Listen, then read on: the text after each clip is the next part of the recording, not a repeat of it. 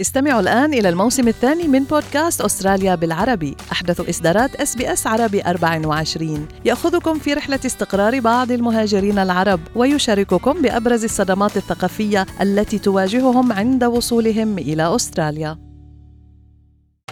أنتم برفقة SBS عربي 24 اكتشفوا المزيد من القصص العظيمة على sbs.com.au/arabic الوصية هي وثيقة قانونية تحتوي على تعليمات للشخص أو الأشخاص الذين تريد أن تورثهم ممتلكاتك ومن سيعتني بأطفالك ومن سيكون منفذ الوصية بعد وفاتك. ووفقا لدراسة أجريت عام 2015 فإن الأستراليين كبار السن فقط والأشخاص الذين لديهم ممتلكات كبيرة هم عادة من يكتبون وصيتهم وبعد عامين أجريت دراسة أخرى واسعة النطاق بإشراف آدم ستين بروفيسور بجامعة ديكن أظهرت أن ما يقرب من نصف الذين شملهم الاستطلاع ليس لديهم وصية. Basically, you get the same.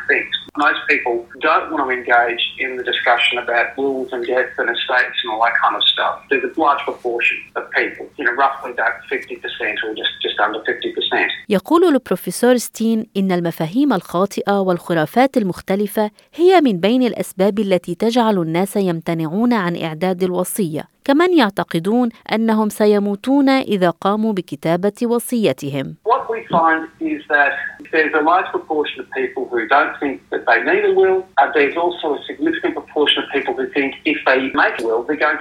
Some people think we don't have enough money, we're not old enough. Those factors really apply across the board, not just in ethnic communities, but also Anglo-Saxon communities as well. عندما يموت شخص ما من دون كتابة وصيته يسمى هذا الأمر الموت من دون وصية وعندئذ يتم توزيع الممتلكات وفقا لقوانين الولاية أو المقاطعة وفي هذا الصدد يقول المحامي دين كاليمنيوس إن وجود وصية يمكن أن ينقذ الأسرة من متاعب المرور بهذا الموقف basically concern people nearing the end of their life and uh, not to be morbid about it, you never know when that's going to be. So it's always a good idea to plan ahead. Another misconception is this idea that if you don't have a will, the state gets all of your assets, and that's not true either. There are laws which state exactly what happens in that situation, but obviously, if you die intestate, which means without making a will, in those situations, uh, it's a little bit complicated in terms of what the laws say about who gets your assets and your estate. يعتمد ترتيب الميراث بدون وصية على قوانين الولاية أو المقاطعة التي تسكنها، لكن كاليمنيوس يقول إن هذه القواعد قد لا تعكس رغبة الشخص بإعطاء الأولوية للعائلة لتوريثهم ممتلكاته. People's estates are sometimes complex. People may have business interests. People may have shares.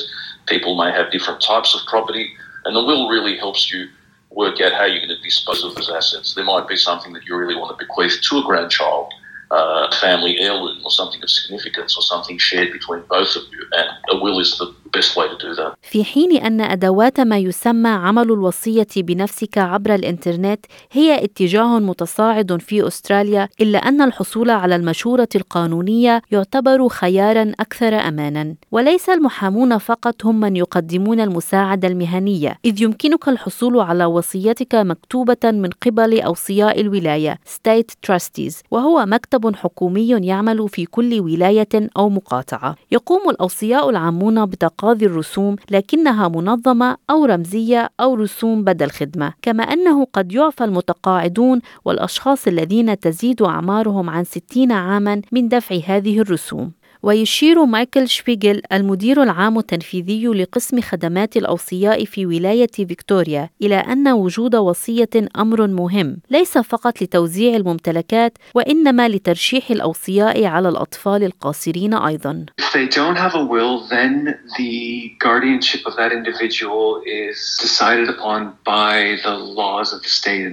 They go down through different relatives that are available and appropriate, all the way through to perhaps putting that child in foster care, assisted guardianship. So that's why, you know, we always advocate it's really important that you have guardianship taken care of through your will, because if not, then a decision may be made for you that's against the wishes of the legal guardians or parents.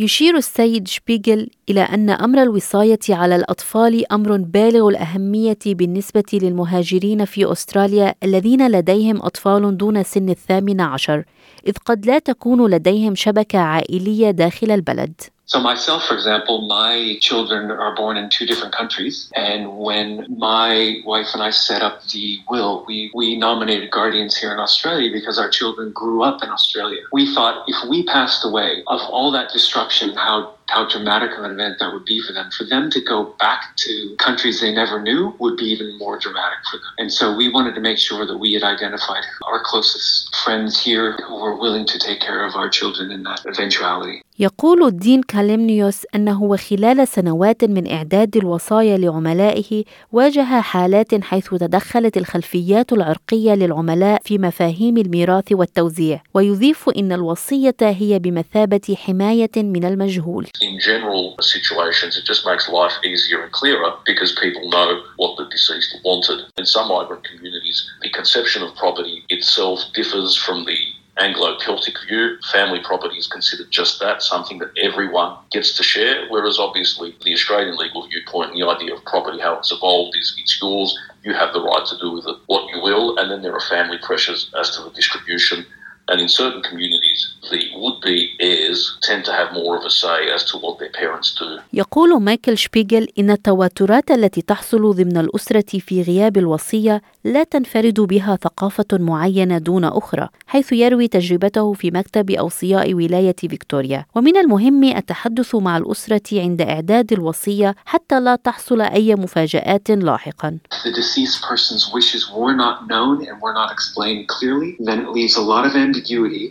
the we see a lot of conflict. Make sure you have everything in place that you want, and the best situation is not only to have it in place, but to have the conversations with, so the family knows what's going to happen. There's no surprises. تجدر الإشارة أنه حتى لو قمت بإعداد وصيتك عبر الأدوات المتوافرة على الإنترنت فلا يزال بإمكانك فحصها بواسطة محام أو وصي عام. هذا التقرير من إعداد زوي ثومايدو وربا منصور.